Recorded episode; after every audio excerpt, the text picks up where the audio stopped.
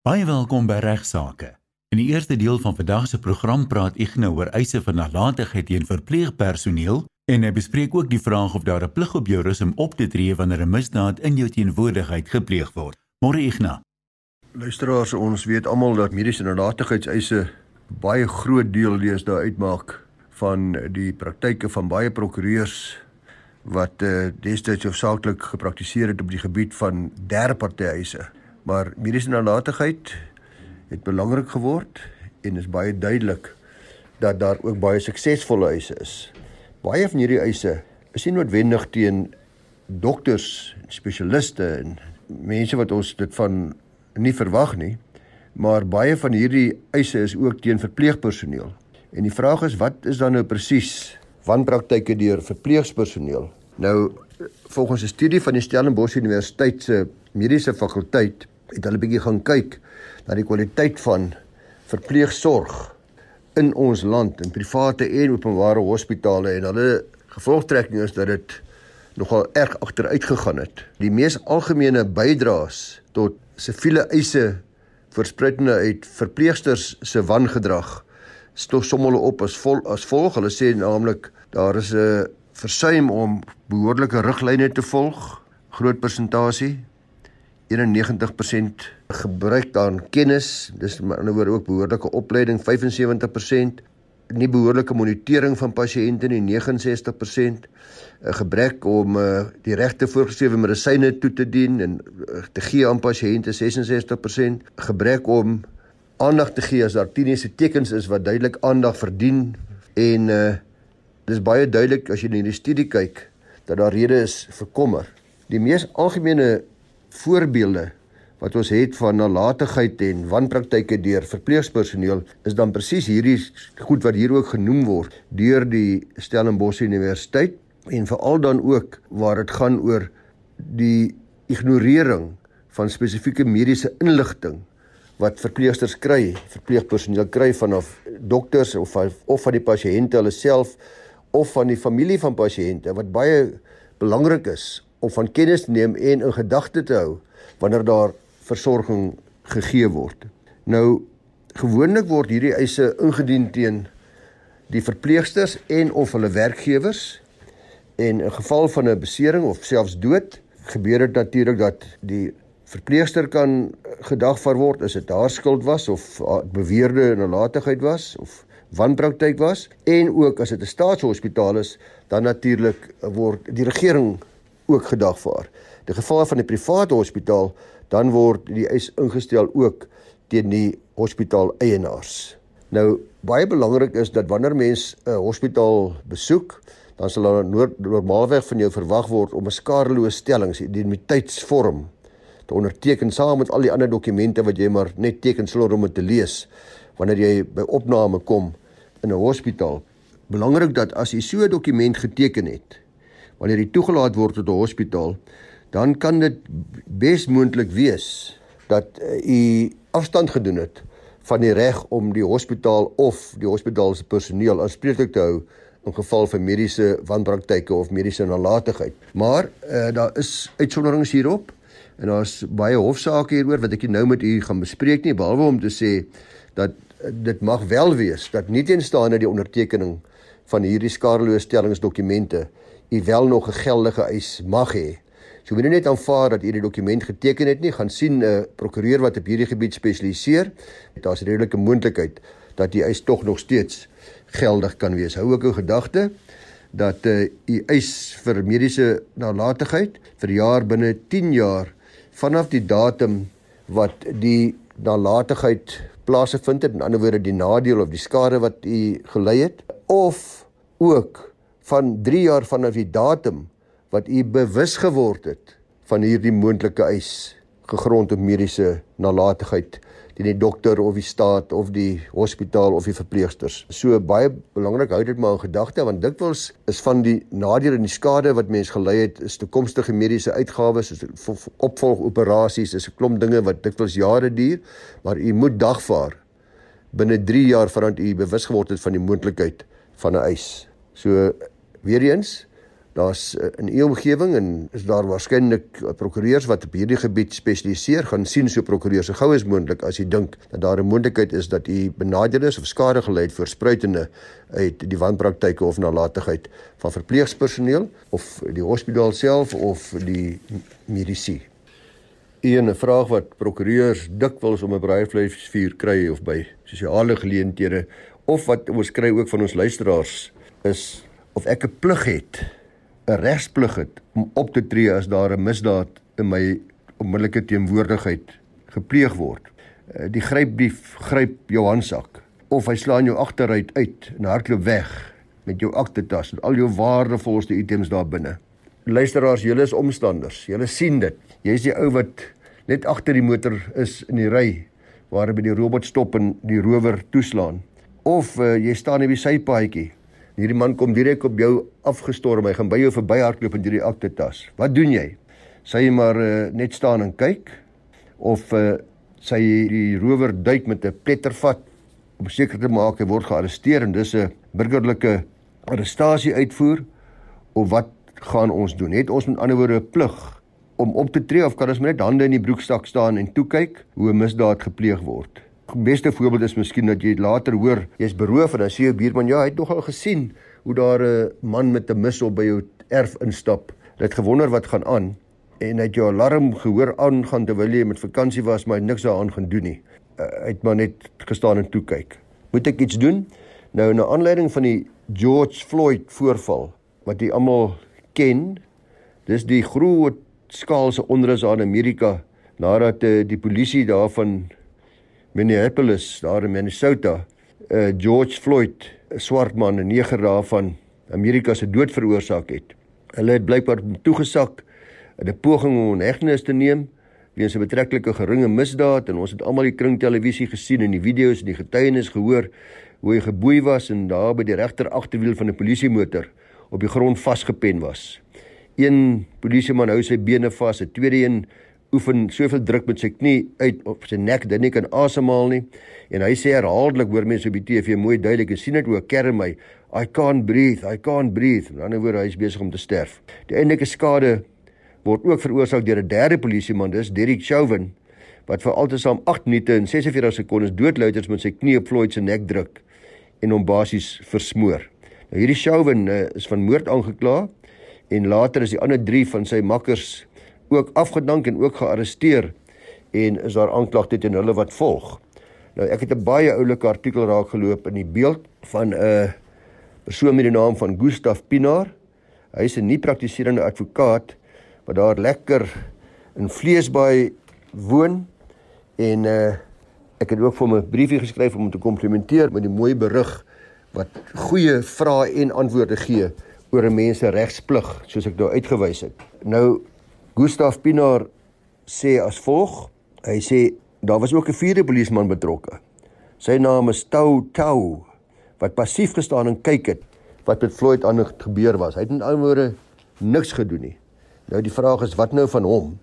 Kan hy hoegenaamd strafregtelik aanspreeklik gehou word? Net soos wat hierdie ou langs die sypaadjie staan en die rower by hom verbyhardloop en jou tas of jou handsak of wat ook nogal, het hy plig gehad of kan hy maar met sy hande in sy broeksakke staan? Vra Gustaf. Dan uh wys meneer Pinaar, advokaat Pinaar daarna dat die hoofdader was die polisieman wat meer as 8 minute lank die bloedtoevoer na Floyd se brein afgesluit het.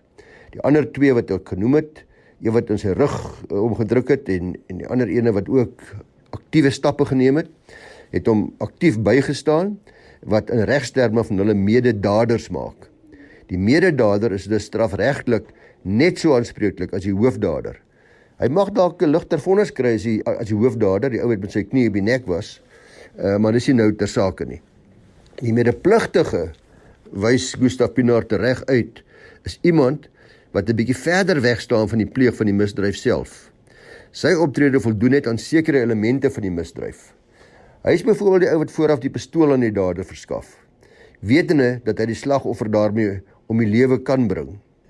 Die polisieman wat dus alles passief gade geslaan het, kwalifiseer nie belangrik, hy kwalifiseer nie om as medepligtige bestempel te word nie want hy het dood eenvoudig niks gedoen nie, geen bystand verdien van enige aard hoegenaamd nie. Die vraag is dus of hy hoegenaamd strafregtelik aanspreeklik gehou kan word. Nou, die strafreg hou hom nie slegs besig met onaanvaarbare positiewe menslike gedrag nie. In sommige gevalle, beperkte gevalle kan mense versuim om positief op te tree, ook lei tot strafregtelike aanspreeklikheid. Dis egter nodig, sê Gustaf om daarop te wys dat daar nie 'n algemene plig op iemand rus om positief op te tree om iemand anders teen leed te beskerm nie. Nou baie van julle sê maar dit kan mos nie wees nie. Dit klink nie reg nie, maar dit is so. Daar is nie 'n algemene plig in Suid-Afrika op jou en op my om iets positiefs te doen om iemand anders teen leed te beskerm nie. Nou is die vraag, wat is ons regsgevoel?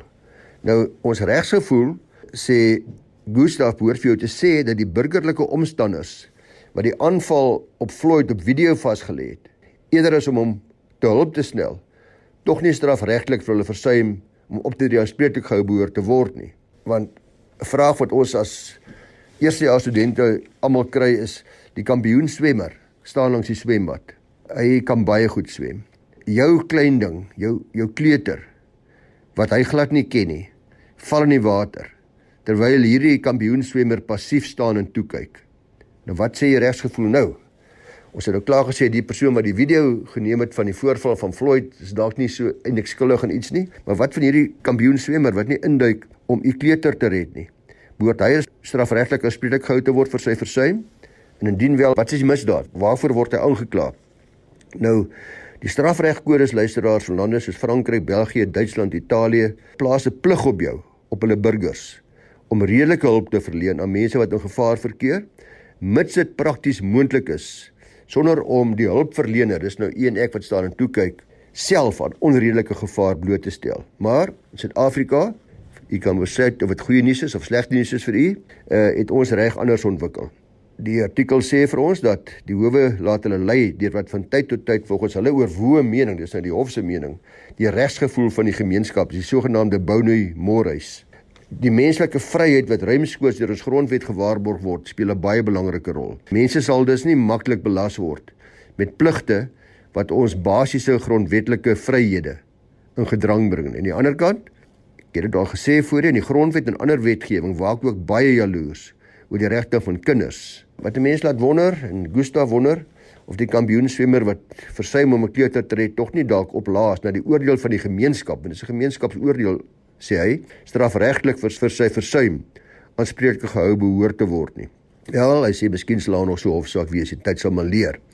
Maar daar is gevalle waar daar wel 'n regsplig op mense is om positief op te tree. Ek het al vir u vertel in hierdie programme, Gustaf bespreek dit nou nie hier nie, maar veral wat kinders ter sake is, die die feit dat daar onderwysers, dokters, een ek is ons uh, vermoed dat daar 'n misdaad teenoor 'n kind gepleeg word, byvoorbeeld seksuele molestering, ons sien uh, of aanranding of die soort van dinge, dan het ons 'n plig om te rapporteer. Gustaf sê ook dat wetgewing verplig jou byvoorbeeld as jy versuim om betyds jou vuurwapenlisensie of jou rybewys te hernie, dan sien jy nie sop. Dit word genoem 'n omissio per commissionem, 'n versuim wat volg op 'n voorafgaande handeling. Jy stook 'n braaivleis vuur, maar jy gaan dan die aand slaap sonder om daai vuur behoorlik te blus. Nou, jy het niks positiefs gedoen nie, jy het net versuim om hom te blus. Brand ontstaan en jou bure se huise brand af of wat ek nogal.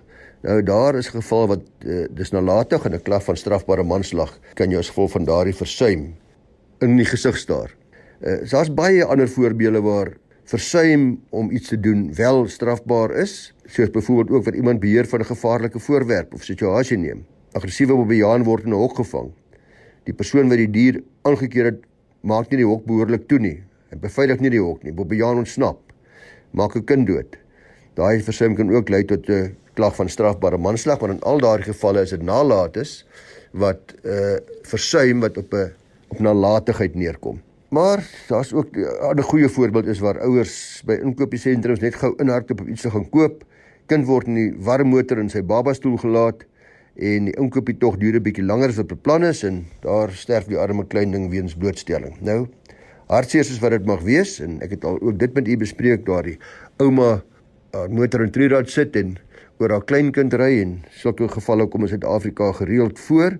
Dan is die vraag of die betrokke ouer of grootouer aanspreeklik behoort te wees strafregtelik weens sy of haar versuim Antwoord is dat as daar nalatigheid is, dan is hulle strafregtelik aanspreeklik of daar genade gaan wees uh, en of hulle werklik aangekla kan word, dit hang af van die vervolgingsgesag.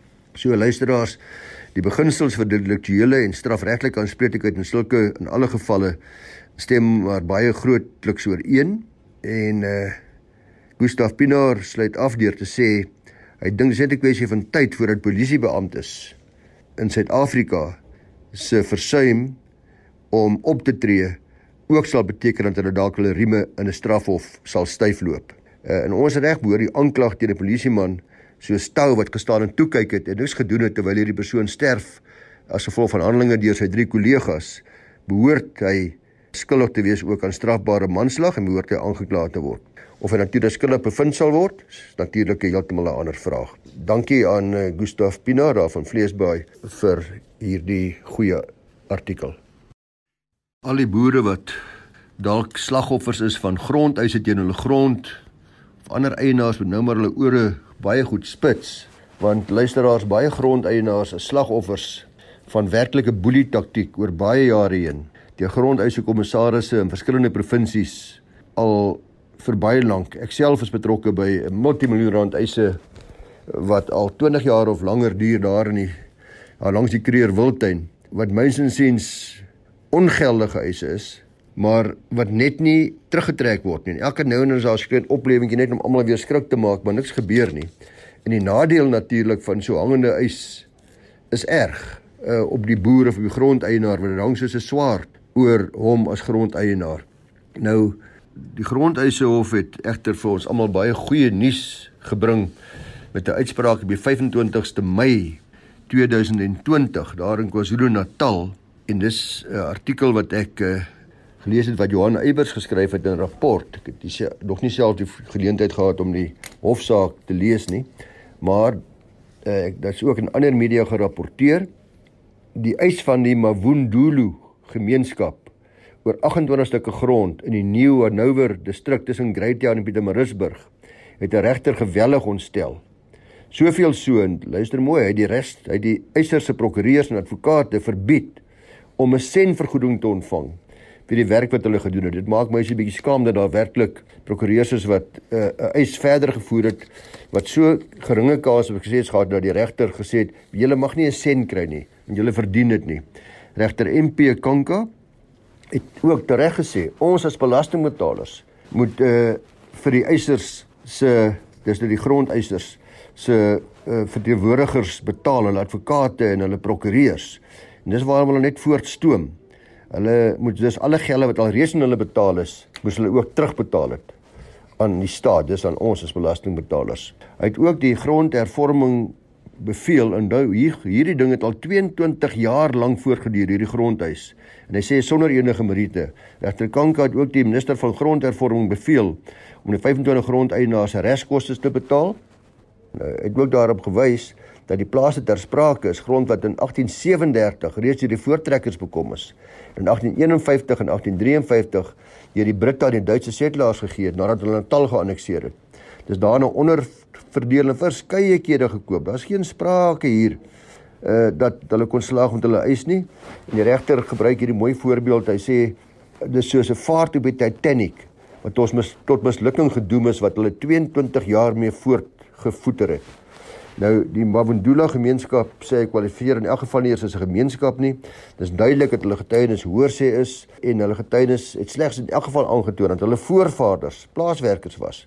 Dit is dit beteken nie hulle is geregtig op die grond nie. Uh en het ook die deskundigheids gekritiseer gesê hulle deskundigheid dis nou wat namens die staat namens die grondeisers getuig het dat hulle in elk geval nie werklike deskundiges was nie belangrik is, hy het hier gesê dat verstandige regsgeleerdes uit die getuienis en bewyse nagegaan het voor daar besluit is om voort te gaan met die saak in die hof en hy beskou dus hierdie mense wat opgetree het namens die grondeisers as roekeloos en uh, hulle moes geweet het daar's geen vooruitsig op sukses nie.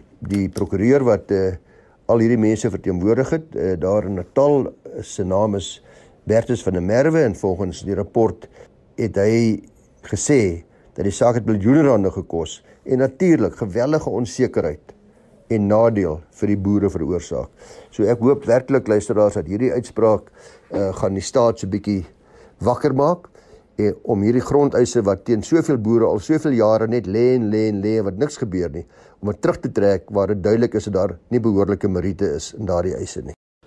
Ons luisteraars het al oor die jare heen as gevolg van hierdie program hopelik bewus daarvan geword dat hulle nogal ons almal geregtig is dit ons inligting oor onsself dat dit uh, nie uitgelap word in elke Jan Rapp en sy maat nie. As ook wetgewing, die Popie wetgewing en ander wetgewing wat ons beskerm, ook die grondwet uh, wat ons privaatheid betref. 'n uh, Goeie vraag wat onlangs in 'n hofsaak gevra is, dis die vraag mag jou mediese fonds jou mediese inligting openbaar? Nou in die saak van Tabella versus Netgroup Medical Scheme en, en ander was 'n mediese fonds en 'n werkgewer aangevat juis omdat geprivilegeerde mediese inligting deur die mediese fonds gedeel was met meneer Tabella dis die eiser se werkgewer sonder sy toestemming. Hy was van mening dat die verweerders in Netgroep en Netbank die inligting gedeel het met die doel om sy goeie naam en reputasie te skaad, dit het hy beweer. Hy het hulle gedagvaar vir skade gebaseer op dan sy grondwetlike reg tot privaatheid en sy het 'n statutêre plig wat nie nagekom was in terme van artikel 14 subartikel 2 van die gesondheidswet nie.